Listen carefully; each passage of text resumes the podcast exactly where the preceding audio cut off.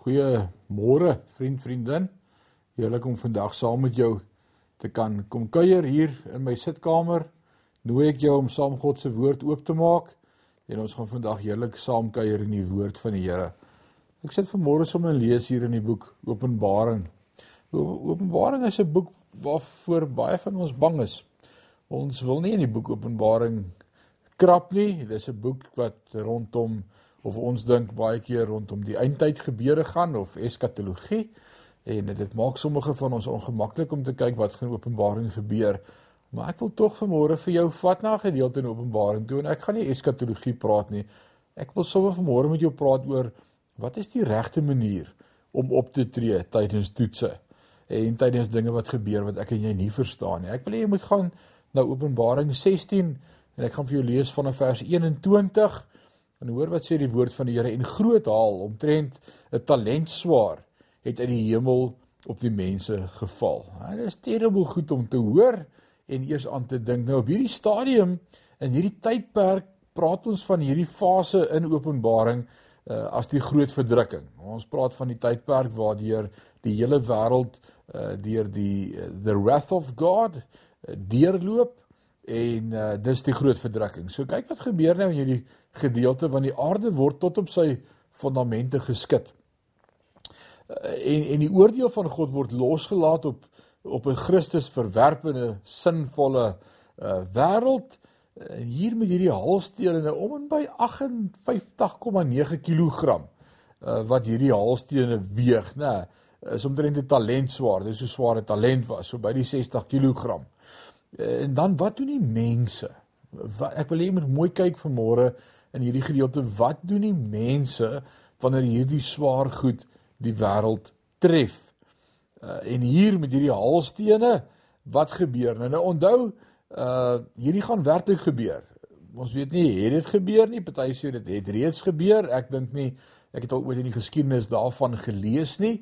Uh anders sê ons moet met ander oë daarna kyk. Dis beeldspraak. Uh wel die woord van die Here Johannes geïnspireerd deur Jesus, deur die Heilige Gees, skryf aan sy sewe gemeentes en hy sê vir hulle dis wat gaan gebeur en dis wat hulle verstaan het kontekstueel wat gaan gebeur as dit kom by skrif uitleg. So kyk nou, wat gebeur dink jy as 60 kg haalstene oor die aarde reën?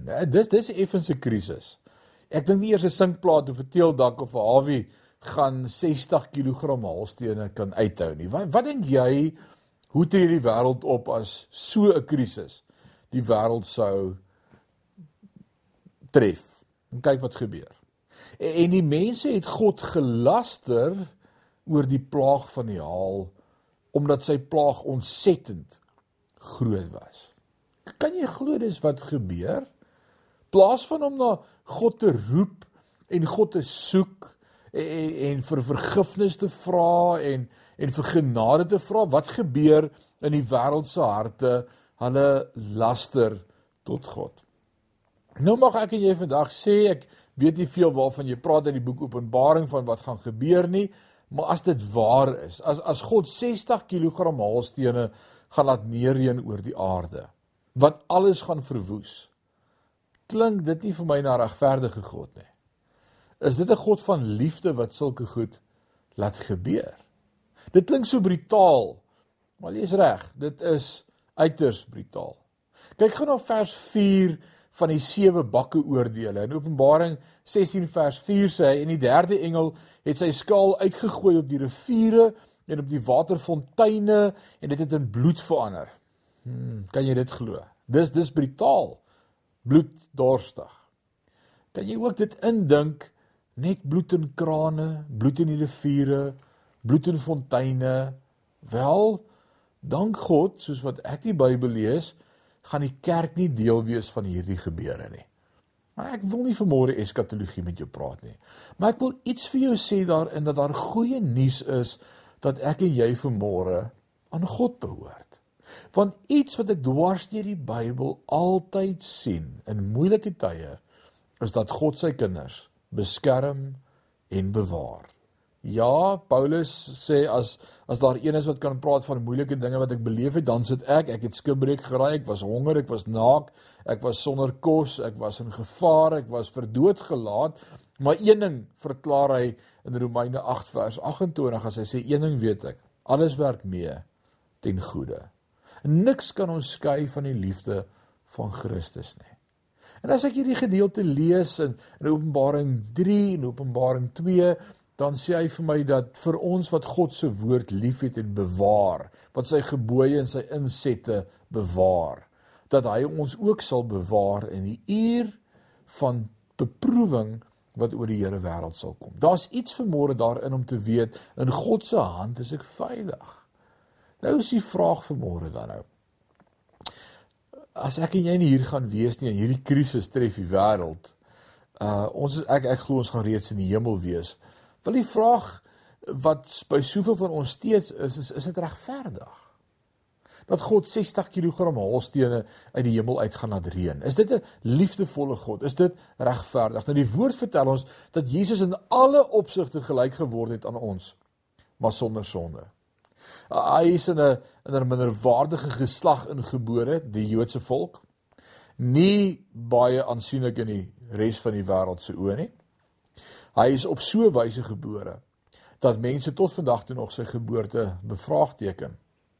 Hy is gebore sonder 'n pa. Josef was nie sy pa nie. So hy was buiteegtelik. Dit maak dat hy verwerp was. 'n Lewe van armoede gelei sonder 'n woning. Nie seker waar sy volgende ete vandaan sou kom nie.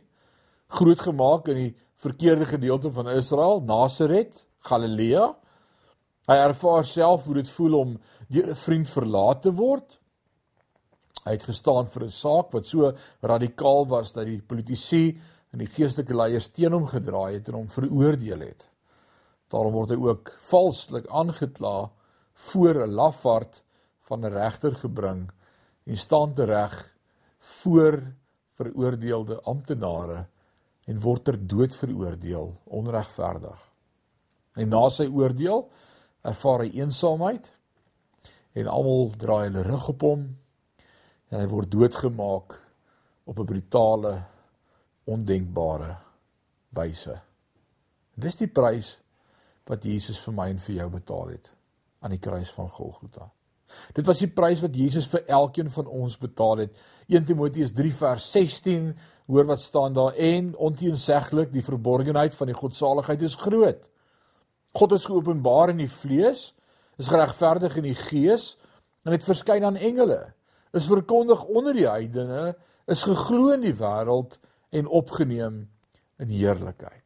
En nou verklaar die apostel Johannes vir ons in Johannes 1 vers 1, in die begin was die woord en die woord was by God en die woord was God en dan vers 14 sê en die woord het vlees geword en onder ons kom woon.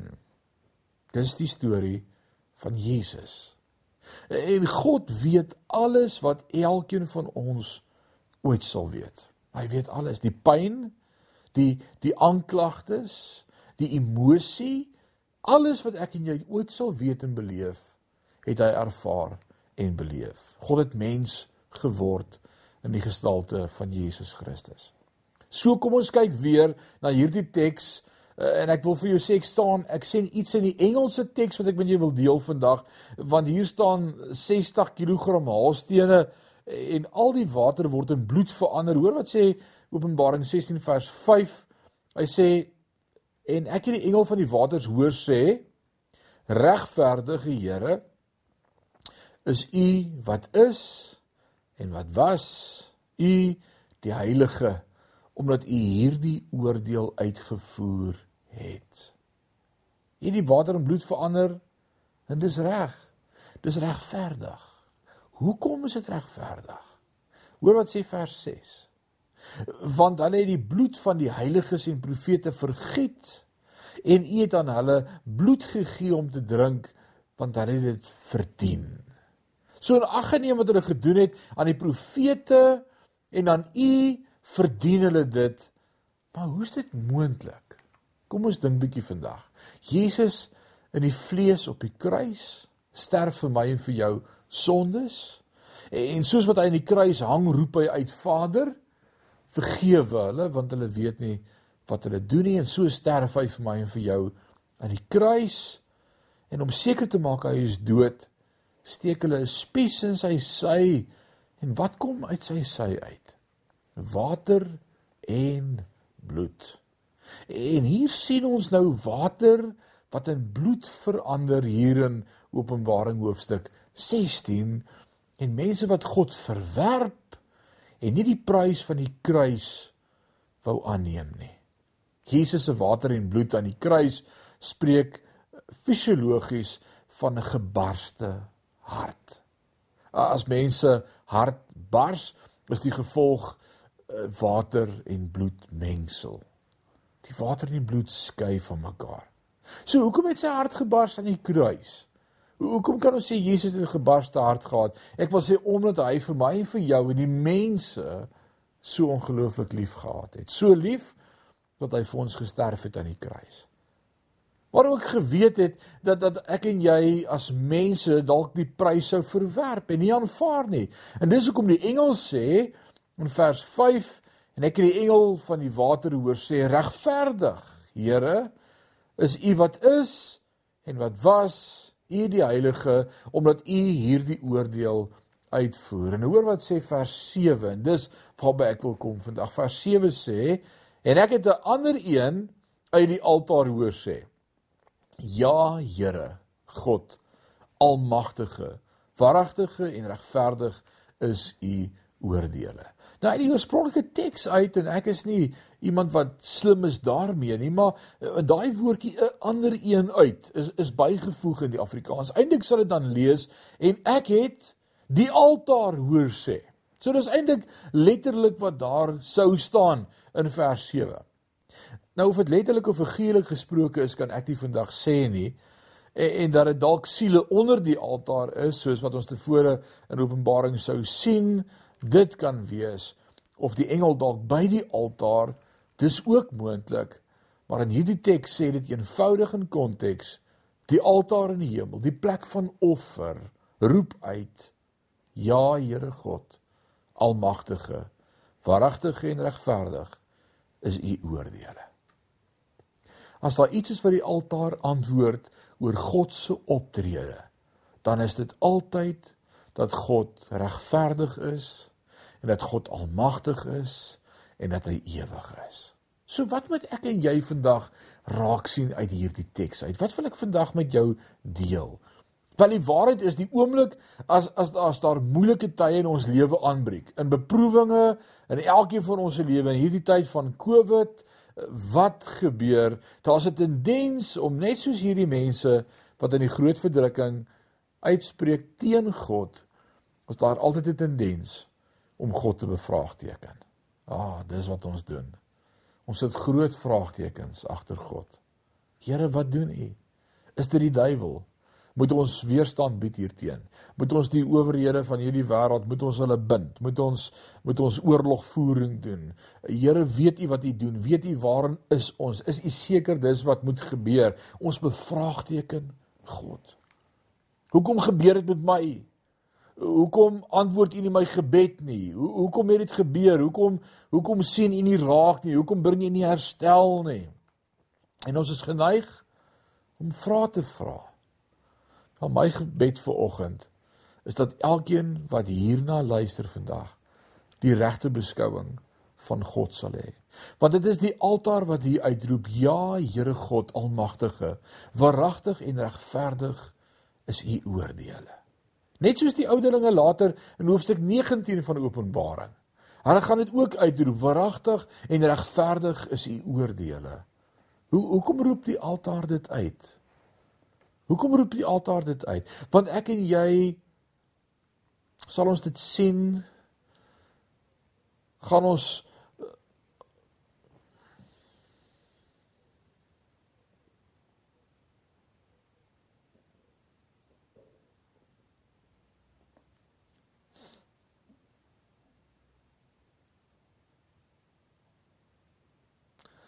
Hoekom roep die altaar uit almagtige, waaragtige en regverdige oordeel? Ek wil vandag vir jou sê, want as ek en jy dit nie sien nie, gaan ons op en af lewe hê. Die eendag God dank vir sy antwoorde en die volgende dag God bevraagteken en ongelukkig wees oor hy nie vir ons gee wat ons wil hê nie oor ons omstandighede. So wat is die altaar se uitroep verragtig en regverdig? Golgotha. Die offerplek. Dit waarheen al die altare in die Ou Testament heen gewys het. Dit waar Jesus sy liefde vir my en vir jou bewys het, hoor wat sê Romeine 5 vers 8, maar God bewys sy liefde tot ons daarin dat Christus vir ons gesterf het toe ons nog sondaars was. Eh, ek en jy moet na elke toets en beproewing waardeur ons gaan en waarna ons kyk, deur die lens kyk waardeur Jesus reeds vir my gegaan het op Golgotha. En dan verstaan ek dat die woord in Romeine 8 my leer vers 28 en ons weet dat vir hulle wat God liefhet, alles ten goeie meewerk. En vir hulle wat na sy voorneme geroep is. Vers 32 van Romeine 8 wat hy wat self nie sy eie seun gespaar het nie, maar hom vir ons almal oorgegee het, hoe sal hy nie saam met hom ook alles genadiglik skenk nie? En dit is die gevaar daaraan dat ek en jy vergeet van Jesus, van die prys wat hy reeds vir ons betaal het en dat hy in beheer is, dan is ek en jy geneig om ons eie mening, ons eie opinie te vorm aangaande wat gebeur en wat besig is om te gebeur. En soveel maal is ons besig om van hom te praat, van dit wat God besig is om te doen en ons vergeet hy is in beheer. Hy het 'n plan. So kom ons maak klaar met hierdie gedeelte vanmôre. Hierdie maak hom uit Matteus 20 vers 20 en val voor die voete van Jesus neer en aanbid hom.